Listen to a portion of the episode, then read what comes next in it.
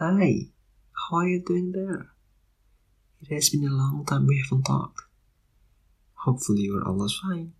Before we talk, can we just relax? Yes, and smile for a few seconds.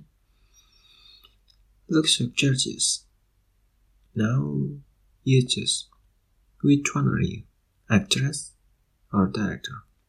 Since the first day of this year, I have heard a lot of circumstances that everybody faced, even make everybody cry. Admit it.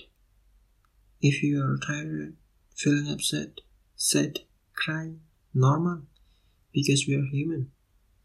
If you want to become an actress, our life is so traumatic, mixed feelings, life defined by others, stressful. On the Other hand, as a director, you decide your story, you decide your life, you make your own script, you choose what kind of human you are. You decide how you are going to behave and to be. Afterwards, I just want to remind you if people in the surrounding try to control your life or taking bad about you, just let it. They have the right to speak.